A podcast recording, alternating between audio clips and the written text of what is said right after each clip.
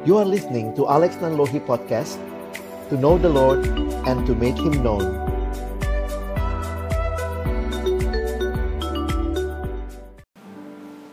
Kami datang dalam ucapan syukur kepadamu ya Tuhan. Sungguh engkau Kristus Tuhan dan Juru Selamat kami. Penebus kami yang bangkit dan hidup dan menang dan itulah yang kami rindukan ketika kembali kami sama-sama merayakan Paskah di tempat ini. Kami merindukan Tuhan menyapa kami dengan kebenaran firman-Mu. Firman-Mu firman yang kudus dan yang menguduskan hidup kami. Firman-Mu adalah firman yang tidak berubah, tetapi firman yang kami percaya sanggup mengubah kehidupan kami. Itulah yang kami rindukan jadi bagian setiap kami yang datang pada siang hari ini. Kami sekali lagi bersyukur. Kami telah memuji-muji namamu. Kiranya engkau disenangkan dengan pujian kami. Dan siapkanlah hati kami untuk menerima firman Di dalam satu nama yang kudus, nama yang berkuasa, nama Tuhan kami Yesus Kristus, Sang Firman yang hidup. Kami menyerahkan waktu pemberitaan firman-Mu. Amin. Silakan duduk. Shalom. Selamat Paskah.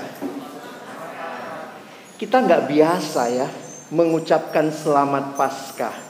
Kalau Natal agak beda. Kalau kita bicara selamat Natal, sampai bulan Desember habis masih bicara selamat Natal. Nanti Januari ketemu belum sempat selamat Natal bilangnya apa lagi? Selamat Natal. Kalau Paskah itu ya memang pas Paskahnya aja. Besok kayaknya nggak ketemu selamat Paskah ya. Padahal saudara justru Paskah ini jadi hal yang menarik dalam iman kita. Saya siapkan satu presentasi PowerPoint, Bapak Ibu Saudara, teman-teman bisa ikuti ya. Bahwa ternyata, next slide kalau bisa. Ah, ya. Gereja itu baru pada tahun 313 merayakan Natal. Cuman sekarang Natalnya lebih meriah ya, apalagi dekat sama sale akhir tahun. Jadi kayaknya Natal begitu meriah. Tentu kita tidak menolak perayaan Natal, tetapi Natal tanpa Paskah ini sebuah rangkaian yang indah. Bapak Ibu Saudara, bahwa kita merayakan kebangkitan Kristus. Kalau kita lihat, kita ibadah tadi dikatakan pada hari Minggu. Maka sebenarnya kalau kita rajin ikut ibadah, satu tahun kita merayakan 52 kali Paskah. Dan ini menjadi sentral dalam iman kita. Tentu Yesus yang lahir, yang mati dan bangkit, bahkan naik ke surga, ini menjadi bagian penting di dalam iman kita. Next slide menyatakan Easter proof that Christmas was real. Bapak Ibu Saudara yang dikasihi Tuhan, lihat slide berikut ini. Yesus bangkit menjadi pengharapan terbesar bagi kita. Juga membuat kita berbeda dengan semua agama yang lain. Pendiri-pendiri agama, kuburnya masih ada. Dijadiin museum, disakralkan, orang datang ke sana. Tapi karena kuburnya terisi, hati pengikutnya kosong. Bagaimana dengan kita? Saya mengutip kalimat berikut dari pendeta Stephen Tom. Karena kuburan Yesus kosong, maka hidup dari pengikut-pengikutnya terisi karena dia sudah keluar dari kubur hingga dia bisa berada di hati kita. Puji Tuhan. Kadang-kadang kalau kita merayakan Paskah, kita pikir sudah selesai lah ya. Yesus lahir, hidup, menderita, mati, bangkit, selesai. Tapi tema kita hari ini, this is not the end of our celebration. Tetapi kiranya ini menjadi the beginning dari perayaan kehidupan yang bangkit dan menang itu. Ayo kita selamat Paskah lagi ya. Sama kiri kanan lebih meriah. Selamat Paskah ya. Selamat Paskah. ya. Wah. Besok ketemu selamat Paskah ya. Oke, kita akan baca firman Tuhan 2 Korintus pasal 4. Saya akan mengajak kita membaca ayat 13 sampai ayat yang ke-15 ya. Bapak Ibu Saudara, teman-teman sekalian perhatikan sebenarnya ini bagian dari kesaksian Paulus tentang perjuangannya melayani. Dan ada satu bagian yang menarik yang saya ingin kita pelajari hari ini. Mari kita baca 2 Korintus 4 13 sampai 15. Pria baca 13, perempuan baca 14, kita sama-sama ayat 15 ya. Mohon tidak lupa gender ya. Jangan lupa diri. Oke, yang pria mulai. Satu dua ya. Namun karena kami memiliki roh iman yang sama,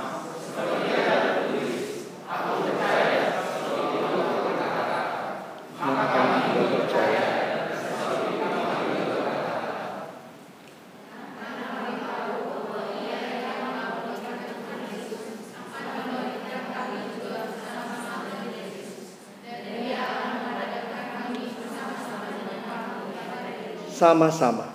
Sebab semuanya itu terjadi oleh karena kamu, supaya kasih karunia yang semakin besar hubungan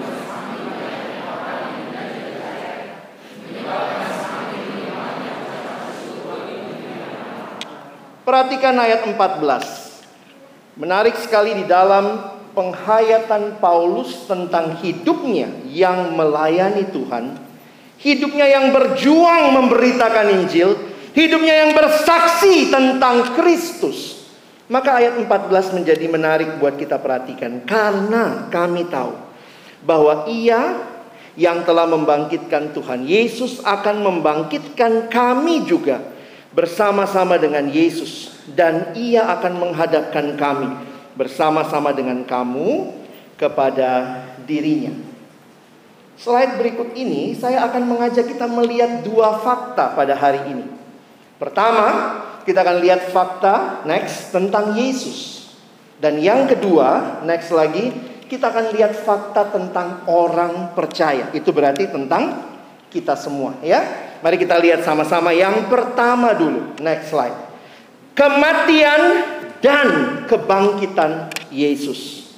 Saudara, kenapa ini penting? Next slide, perhatikan ayat ini, ayat 14. Membangkitkan Tuhan Yesus Bapak Ibu Saudara, kebangkitan dan kematian dan kebangkitan Yesus ini menjadi menarik di dalam iman kita. Karena ini sangat sentral dan pusat dari iman kita. Gereja bahkan memilih salib jadi lambangnya. Menarik ya. Ini kan lambang hukuman mati zaman itu. Zaman sekarang hukuman matinya apa? Tembak. Bayangkan ada gereja simbolnya pistol. Bayangkan ya, pakai kalungnya apa? Pistol. Tapi orang zaman dulu kalau lihat saudara sekarang pakai kalung salib, hihihi gila ya. Itu alat hukuman mati saudara. Kenapa gereja pilih salib ya?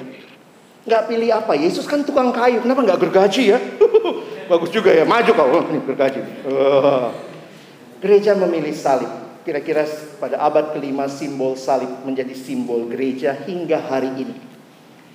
Kehidupan Yesus adalah kehidupan yang menjadi pola bagi kita yang percaya. Hidup kita itu siklusnya lahir, hidup, mati. Tetapi Kristus, dia mati, lalu dia hidup.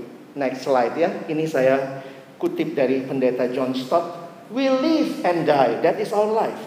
But Christ died and lived. Karena itu mari perhatikan kebangkitan Kristus. Yang tentunya sebelumnya ada kematian. Ya, next slide. Saya ajak kita perhatikan Roma pasal 9 ayat 6 sampai ayat yang ke-10. Karena dalam dua ayat ini saya melihat kematian dan kebangkitan Yesus diekspos dengan luar biasa oleh Paulus. Mari baca dua ayat ini sama-sama ya. Ada di slide. Satu, dua, ya. Karena kita tahu bahwa Kristus sesudah ia bangkit dari antara orang mati tidak mati lagi. Mau tidak berkuasa lagi atas dia. Kematiannya adalah kematian terhadap dosa. Satu kali dan untuk selama-lamanya. Dan kehidupannya adalah kehidupan. Kalau saudara pernah nonton film Passion of the Christ. Saudara bisa melihat bahwa fakta fakta kematian Yesus itu sebuah fakta sejarah. Paulus bahkan menuliskan di dalam Roma 6 ini karena kita tahu bahwa Kristus sudah ya bangkit dari antara orang mati. Saudara, gereja menyatakan Yesus bangkit. Kalau saudara mengikuti prosesi penyalipan, pernah lihat gambar ini? Bukan gambar saya ya. Nah, ini ya. Sebelum seorang disalib, dia akan disesah.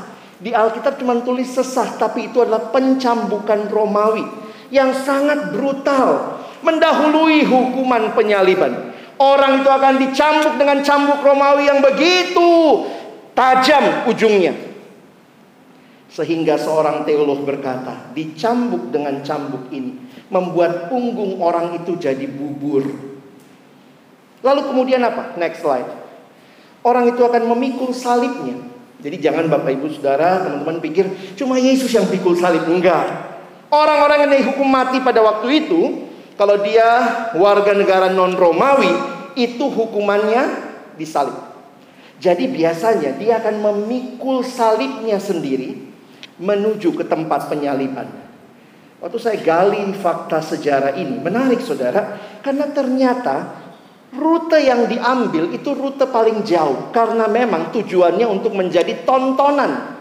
Jadi jangan saudara pikir ya mau ke salib, oh itu salibnya, oh ya ke sana langsung ya, itu lewat jalan tol. Enggak, ini lewat jalan salib. Jalan penuh penderitaan. Next, kalau saudara lihat gambar-gambar Passion of the Christ, bagi saya ini menunjukkan apa yang Yesus alami bagi saudara dan saya. Bahkan selanjutnya dicek faktanya, mati enggak, ditusuk lambungnya. Dan ketika lambung ditusuk, keluar darah dan air. Itu tandanya sudah mati. Kalau masih hidup, maka keluarnya cuma darah. Kalau darah sama air terpisah, secara medis itu artinya meninggal. Saudara, fakta ini penting. Perhatikan slide saya. Next. Yesus sungguh-sungguh mati. Kenapa kita harus bahas itu? Karena Yesus sungguh-sungguh matilah, maka hari ini kita memerayakan kebangkitannya. Banyak orang menolak Yesus mati. Bilangnya Yesus cuma pingsan. Heh, gile loh. Yesus pingsan, digituin pingsan. Kamu ketusuk jarum aja tiga hari kali ya sakitnya ya. Saya membayangkan kalau orang mempelajari hukuman mati versi salib. Lalu bilang Yesus cuma pingsan. Kebangetan kamu. Karena mereka teorinya gitu. Yesus tuh pingsan. Nah waktu dikubur. Karena adem kuburnya ya. Terus aduh bangun. Kalau begitu bukan kebangkitan namanya, itu siuman. Saudara dan saya tidak kumpul di sini untuk merayakan siumannya Yesus kan? Selamat hari siuman. Hah? Tidak. Dia sungguh-sungguh mati. Karena itulah dia sungguh-sungguh bangkit. Ada lagi yang bilang salah kubur, teori salah kubur. Karena perempuan-perempuan pergi ke kubur yang salah. Biasalah katanya perempuan GPS-nya suka nggak nyala. Maaf ya yang perempuan. Jadi akhirnya datang ke kubur eh salah, pantas kosong. Ya. Tapi kalau Bapak Ibu Saudara teman-teman baca, enggak. Perempuan itu yang lihat batunya digulingkan. Dia tahu tempatnya. Coba lihat lagi kalimat berikut. Waktu malaikat ketemu perempuan, ini kalimatnya. Jangan takut. Kamu mencari Yesus kalau Yesus aja banyak orang zaman itu namanya Yesus. Ini diklasifikasi lagi. Yesus yang orang Nazaret kan yang disalibkan. Bisa aja salah kubur. Ini sorry, ini Yesus orang Nazaret juga tapi kecelakaan unta. Nah, ketabrak unta mati. Nah, ini malaikat sampai bilang, "Kamu cari Yesus, orang Nazaret yang disalibkan, ia telah bangkit. Ia tidak ada di sini." Lihat, inilah tempat mereka membaringkan dia. Fakta kematian dan kebangkitan Kristus ini fakta sejarah. Tetapi ini juga fakta iman kita. Itulah yang Paulus tulis di Roma pasal 6. Bahwa Yesus bangkit. Dan saudara, kenapa Jumat Agung disebut Jumat yang agung? Karena ada Minggu Paskah. Kalau nggak ada Minggu Paskah, apa yang bagus dari Jumat itu? Ada orang yang mati, dia pikir dirinya juru selamat dan tidak pernah bangkit. Itu Jumat paling sial sepanjang sejarah. Tapi Jumat itu jadi agung karena dia bangkit tanpa kebangkitan. Salib nggak ada artinya. Saudara ini menjadi hal yang menarik bagi iman kita. Bahkan Yesus berkata selanjutnya, akulah kebangkitan dan hidup.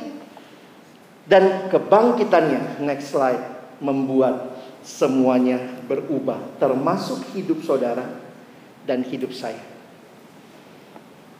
Ada yang bilang protestan salibnya nggak ada Yesusnya, karena udah bangkit. Silakanlah tafsirannya ada yang seperti itu. Karena ada yang bilang gereja tertentu salibnya masih ada Yesusnya.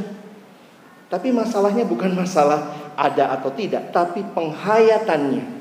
Yesus yang mati, sungguh-sungguh mati. Karena itu dia sungguh-sungguh bangkit. Dan karena itulah dia pantas menjadi Tuhan dan Juru Selamat kita. Satu-satunya. Bapak Ibu Saudara, sedikit kuliah teologi ya. Karena ada orang berpikir begini, ini juga kadang-kadang pikiran kita. Karena banyak sekali waktu bicara pasca menang, menang, menang. Lalu kita sempat juga mungkin ya, saya nggak tahu pikiran saudara. Tapi waktu saya kecil, saya pernah punya pikiran Yesus sempat kalah. Jagoan-jagoan kan banyak yang kalah dulu ya, baru menang. Oh Yesus kalah waktu Jumat Agung, KO dia, dia lempar handuk putih, nyerah gua. Lalu pasca dia menang. Apakah itu iman kita? Yesusmu pernah kalah nggak? Sempat kalah? Kuasa kubur? Jadi pertanyaan, apa arti salib saudara ya? Maka saya bertemu dengan satu kutipan yang ditulis oleh pendeta John Stott kalimatnya begini, perhatikan ya. We are not to regard the cross as defeat and the resurrection as victory. Bukan begitu cara lihatnya. Kematian itu kekalahan, kebangkitan itu kemenangan. Itu bukan iman kita. Emangnya salib itu kemenangan? Yes. Di mana? Di Alkitab. Next slide. Lihat ayat ini. Tunggu kan? Sabar. Bisa next slide? Nah, Kolose pasal 2 mengkaitkan kematian Kristus ketika dia dipakukan itu menjadi kemenangan dalam kemenangannya. Nanti saudara bisa lihat ayatnya. Waktu saya juga perhatikan ini, ya ampun, saya juga suka mikir Yesus kalah dulu lalu menang. No. Perhatikan bagaimana cara melihatnya. Next slide. Saya kutip pendeta John Stott, dia bilang begini harusnya cara kita melihat.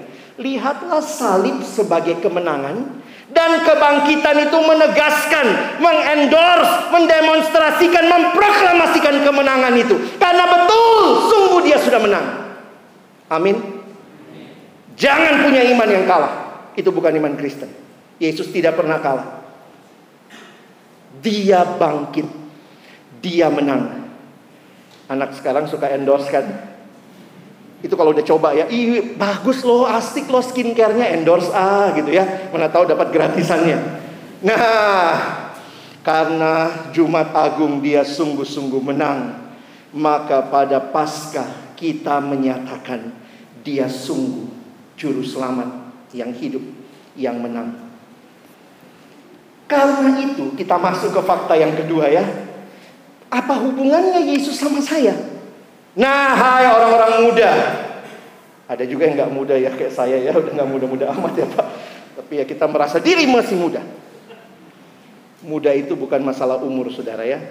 Tapi apakah saudara punya jiwa yang mengasihi Tuhan, semangat yang terus muda. Kita lihat fakta yang kedua, next slide.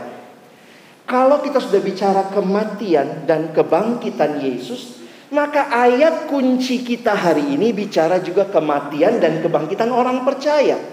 Di mana itu? Lihat lagi ayatnya next. Ayat 14. Kami tahu yang telah membangkitkan Yesus, ia akan membangkitkan kamu juga. Memang referensi ini terkait dengan kebangkitan di akhir zaman. Karena itu tadi saya memang sengaja kutip Roma karena Roma bicara kebangkitan yang kita alami dari saat ini dan akan digenapkan di akhir zaman. Saudara lihat itu ya. Kalau NIV menggunakan raise us with Jesus. Menarik sekali, setiap orang yang percaya pada Kristus maka dia dipersatukan dengan Kristus sehingga kematian Yesus jadi kematian kita dan kebangkitan Yesus jadi kebangkitan kita. Semua orang bisa ngomong Yesus mati. Nggak usah Kristen, dia bisa ngomong oh Yesus mati. Dia bisa ngomong Yesus bangkit. Tapi kita yang percaya bedanya apa? Kita berkata Yesus mati bagiku, Yesus hidup bagiku. Karena kebangkitan, kematian dan kebangkitan Kristus terkait juga dengan kematian dan kebangkitan kita.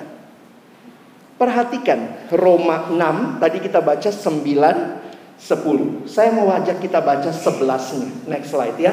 Ayo kita baca sama-sama. Ini ayat Paskah buat kita. Roma 6 ayat 11. 1 2 ya.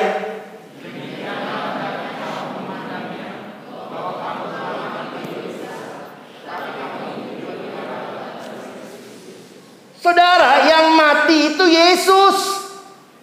Tetapi kita yang percaya lihat cara pandang Paulus. Demikianlah hendaknya kamu memandangnya sekarang bahwa kamu yang percaya pada Kristus, kamu mati bagi dosa. Dan kamu yang percaya pada Yesus yang bangkit itu, kamu juga bangkit. Sekarang kamu hidup dan hidupmu bagi bagi Allah. Menarik ya? Iman kita, iman yang terkait dengan pribadi Kristus, yang waktu kita terima Dia, saudara dan saya mengalami dua hal ini. Mati bagi dosa dan hidup bagi Allah. Yang mana yang lebih susah? Mati bagi dosa atau hidup bagi Allah? Sama-sama susah ya. Kadang-kadang dosanya belum kelar, harus hidup bagi Allah lagi. Nah, di sini jadi tantangan buat kita. Next slide. Pendeta John Stott bilang, Yesus Allah yang membangkitkan Yesus secara fisik dia sanggup membangkitkan saudara dan saya secara rohani dan menjadikan kita baru di dalam Kristus. Umat yang baru, new people in Christ. Next slide. Makanya Yesus tuh memberikan hidup yang baru, Saudara. Hidup baru tuh kayak apa? Next slide. Bagi saya menarik ya kalimat pendeta Timothy Keller ini. Christianity is not about being nice. It's about being new. Totally new. New beginning. Oke? Okay?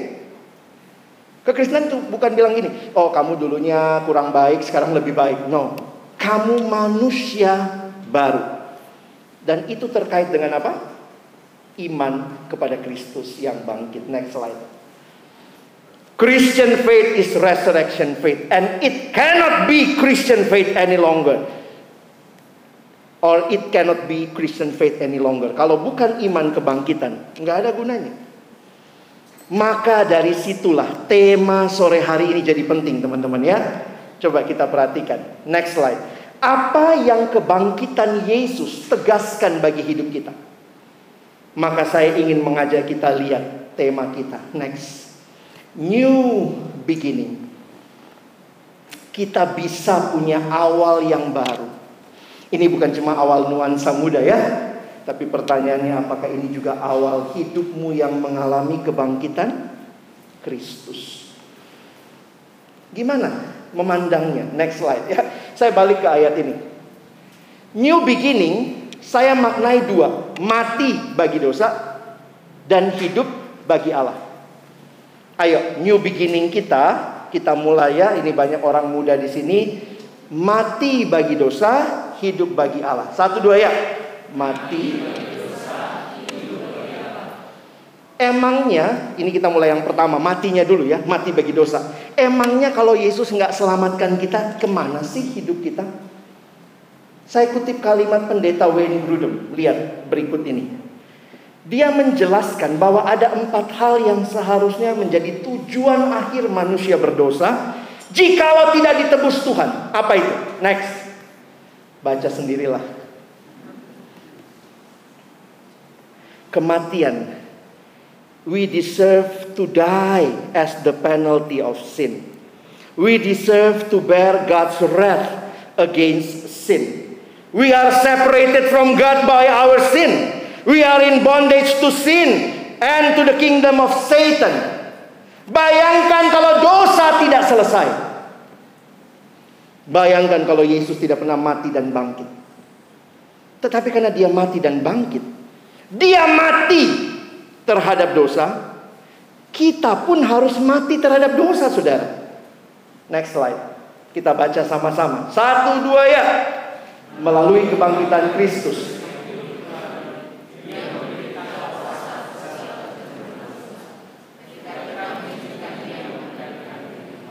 Apakah ini pengalaman imanmu yang berkata kepada Tuhan, "Saya tidak mau lebih lama di dalam dosa. Saya mau tinggalkan dosa. Saya mau mati terhadap dosa." Istilah mati terhadap dosa menarik ya, karena bicara satu putusnya hubungan mati terhadap dosa. Jadi kebangkitan Kristus memastikan engkau dan saya bisa mati terhadap dosa. Kenapa? Karena Roh Kudus dan punya kuasa bekerja dalam hidup kita. Kita bisa bilang tidak sama dosa. Kalau dulu hamba dosa, Paulus itu menarik ya, dia pakai istilah hamba. Hamba itu budak. Jadi budak itu mau tidak mau harus mau. Itu namanya budak. Jangan pikir budak tuh kayak pembantu sekarang, maaf ya, ART ya. Mbak, tolong beliin. Ah, capek, capek. Kamu beli sendiri. Nah, itu nggak bisa. Budak pada masa Paulus itu milik tuannya. Maka Paulus berkata, "Kamu dulu hambanya dosa, mau tidak mau jadi pendosa. Tetapi begitu Kristus bangkit, kamu hamba Allah. Kamu hamba kebenaran. Kamu bisa berkata tidak kepada dosa. Kenapa? Bukan karena kita cukup kuat, karena Kristus yang memberikan kepada kita. Perhatikan berikut ini.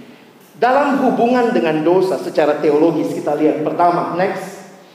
Dalam masa lalu kita dimerdekakan dari hukuman dosa. Sekarang next, kita diselamatkan dengan kuasa dari kuasa dosa dan future kita akan bersama Tuhan selama-lamanya di mana tidak ada lagi dosa.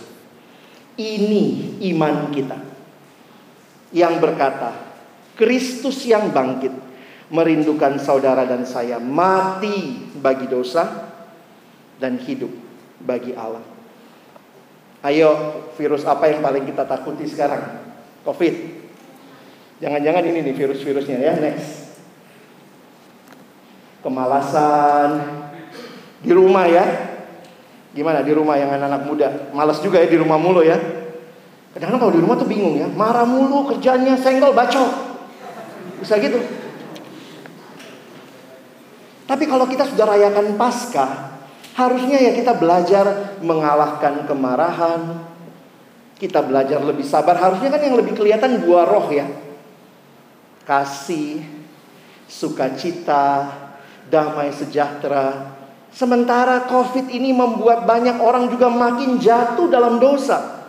Banyak anak muda nggak mau lagi datang gereja kebaktian onsite. Maunya online karena bisa sambil ngedrakor dengar pendeta kalau lagi nggak enak eh enak drakor pindah sebentar ya banyak lagi drakor-drakor yang bagus wah sambil main game sambil tiduran kadang-kadang saya pikir kalau betul Kristus bangkit Apakah saudara dan saya juga bangkit mengalahkan dosa? Berkata tidak. Memang saya mau Tuhan ini hidup saya, saya masih muda, saya suka itu semua. Tapi saya tahu kalau itu tidak berkenan kepada Tuhan. Bukan itu harus menjadi pilihan kita. Bisakah kita berkata, next, I am free. Inilah hidup orang-orang yang mengalami Paskah. This is the new beginning. Untuk kita berkata tidak dan memang ini prosesnya seumur hidup. Ada yang bilang sama saya, Kak Alex, gimana saya jatuh lagi pornografi? Gimana kak supaya saya bisa bebas pornografi? Saya bilang mungkin gak bebas. Kamu akan bergumul seumur hidup.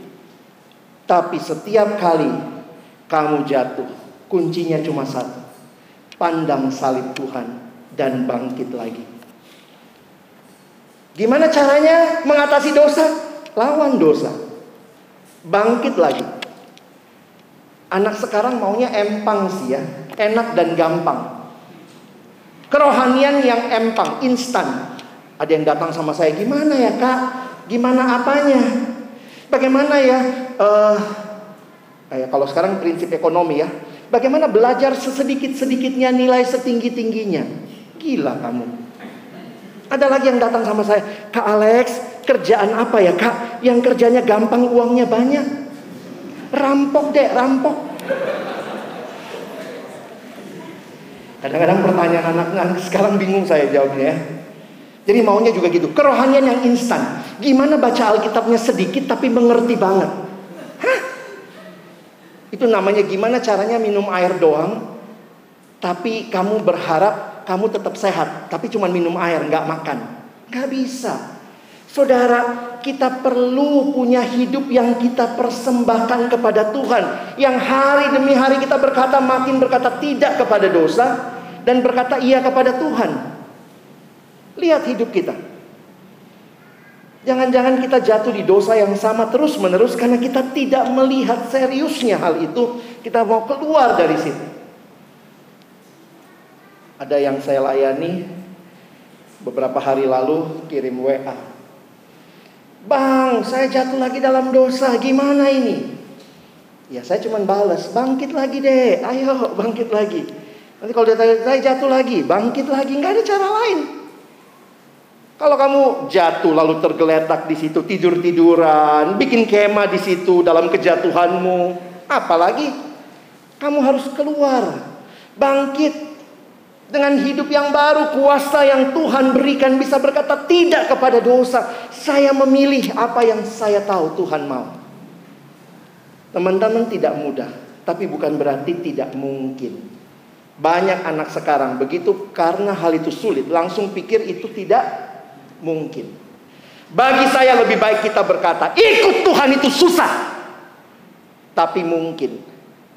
Daripada ikut Tuhan itu gampang saudara. Tapi susah nanti. Banyak yang begitu ya. Di KKR, KKR, wah Tuhan saya mau ikut Tuhan. oh, air mata berember-ember pakai ingus. Tapi begitu pulang, cuma satu minggu kembali lagi di hidup lama. Kita harus mati, tapi juga kita harus hidup. Next slide ya. Kita lihat bagian terakhir. Mati bagi dosa dan hidup bagi Allah. Hidup bagi Allah itu hidup seperti apa? Ada banyak referensi di Alkitab, tapi saya mau coba angkat satu bagian. Kita lihat 1 Petrus 1 ayat 3. Kita baca sama-sama ya. Satu, dua, ya. Terpujilah.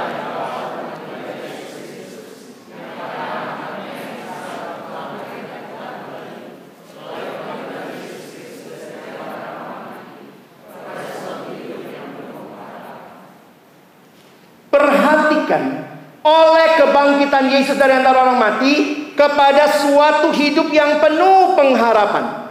Bapak Ibu Saudara sekalian perhatikan hidup seperti apa yang Tuhan janjikan dengan kebangkitannya. Hidup yang penuh harapan. Di mana harapannya? Perhatikan siklus hidup tadi.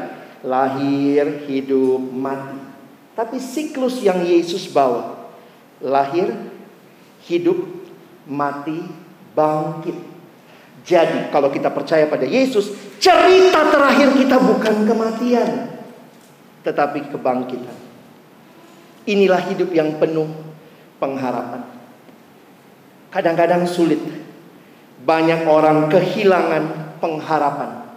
Satu hal yang paling kita butuhkan sebenarnya bagi saya pengharapannya. Orang kalau punya pengharapan itu bisa punya sikap yang berbeda. Tapi kalau tidak punya pengharapan, wah sedih banget. Hidup yang paling sedih di bawah kolong langit ini. Hidup yang tidak punya pengharapan. Orang yang sakit kanker, stadium terakhir, hidup tinggal enam bulan. Kok kayak film 39 ya? Drakor. Kalau dia punya pengharapan, sikapnya beda. Kalau dia nggak punya pengharapan, ya sudah, Kalau dia punya pengharapan, dia tahu. Kalaupun saya mati, saya akan hidup bersama Yesus. Jadi enam bulan yang ada, dia pakai dengan baik, melayani Tuhan, bersaksi bagi Tuhan, bukan ngeluh. Bukan cuma sekedar ah, mati saya. Jangan lupa ya nisannya ada fotoku ya. Fotonya yang bagus ya. Kadang-kadang saya selalu ingat. Begitu saudara punya pergumulan, ingat. Akhirnya bukan kematian. Jangan dikit-dikit anak muda nyerah, bunuh diri. Ih, drakor banget sih lo. Lompat dari apartemen lantai 22. Ya sampai bawah mati. Beda sama lantai 2 katanya. Apa bedanya? Lompat dari 22 sama lantai 2. Beda teriaknya. Kalau lompat dari lantai 22, ah, buh, mati. Kalau dari lantai 2, buh, ah, gitu ya. Karena mungkin masih hidup gitu ya. Nah, saudara jangan apa-apa bunuh diri. Bahkan sekarang anak-anak nyari di YouTube. Saya ketemu banyak anak remaja silet-silet. Ya ampun. Karena katanya ada sensasi. Belajarnya di mana di YouTube? Teman-teman orang muda, saya mau kasih tahu sama kamu. This is the new beginning. You have hope in Jesus. Hidupmu bukan hidup yang sia-sia, yang kau habiskan tanpa makna. Kenapa kita bisa punya pengharapan yang hidup? Perhatikan. We have a living hope because we have a living savior. Kita punya pengharapan yang hidup karena kita punya juru selamat yang hidup ya, ada di situ. Karena itu saya mau tutup dengan pengharapan ini ya. Pengharapan itu indah saudara. New beginning tanpa pengharapan itu sulit. Kalau lihat bagaimana Paulus, Paulus itu hidupnya dengan pengharapan sampai dia bilang, sekarang kami tetap melayani meskipun kami manusia lahirnya kami makin merosot, tetapi manusia batinnya kami makin terus bersinar. Lihat kalimat berikut ya we can look forward. What we look forward to can be a powerful motivation for how we act now.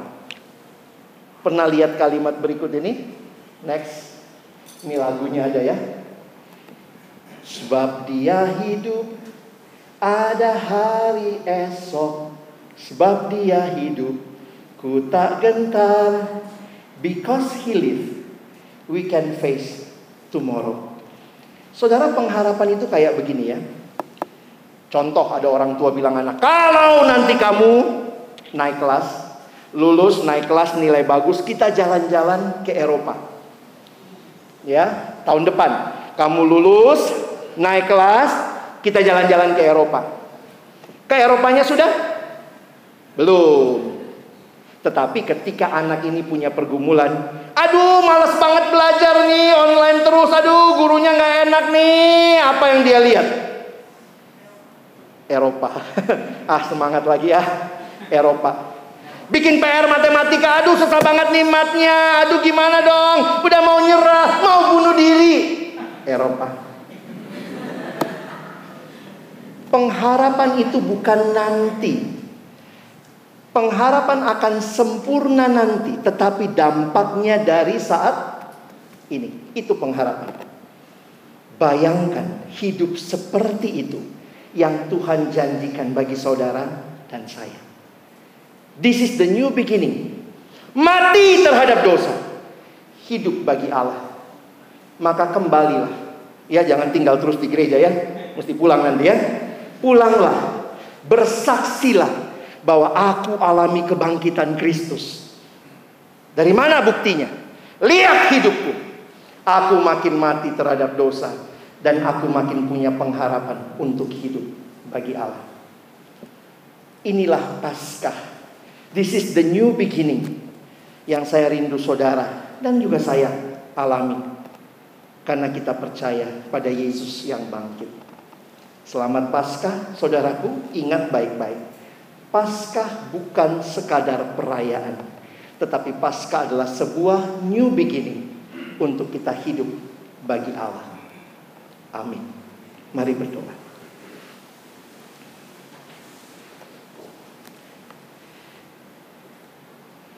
Izinkan saya sebagai hamba Tuhan memberikan waktu ini bagi saudara di hadapan Tuhan mengambil tekad untuk memulai the new beginning. Paskah bukan akhir perayaan kekristenan. Sudah Jumat Agung, akhirnya Paskah selesai sudah rangkaian acara gereja. Tetapi setelah ini, apakah saudara yang sudah merayakan Paskah juga mengalami Paskah? Kalau ada dari kita yang mau berkata, "Tuhan, saya mau tinggalkan dosa-dosa ini." Saya tahu ini tidak menyenangkan Tuhan. Mungkin menyenangkan hatiku. Tetapi ini mendukakan Tuhan. Tolong saya mati bagi dosa-dosa ini. Dan selama ini saya memandang hidup biasa-biasa saja. Tapi hari ini sebagai orang muda di hadapan Tuhan, saya mau punya hidup yang berpengharapan pengharapan yang tidak bisa diberikan dunia, tapi hanya mungkin dari Allah. Bagi saudara yang mulai putus asa, mulai kehilangan harapan, bahkan pernah berpikir bunuh diri, atau bahkan pernah coba bunuh diri, dengarkan berita sukacita. Yesus bangkit dan menang dan dia mau engkau hidup berpengharapan. Pulanglah jadi saksi. Kalau engkau siswa, jadi saksi dalam studimu di tengah keluargamu. Kalau engkau bekerja, jadi saksi di keluarga di pekerjaan. Kalau engkau orang tua, menjadi orang tua yang baik, jadi saksi yang hidup bagi anak-anakmu. Itulah Paskah yang sesungguhnya. Berdoalah secara pribadi meresponi firman Tuhan.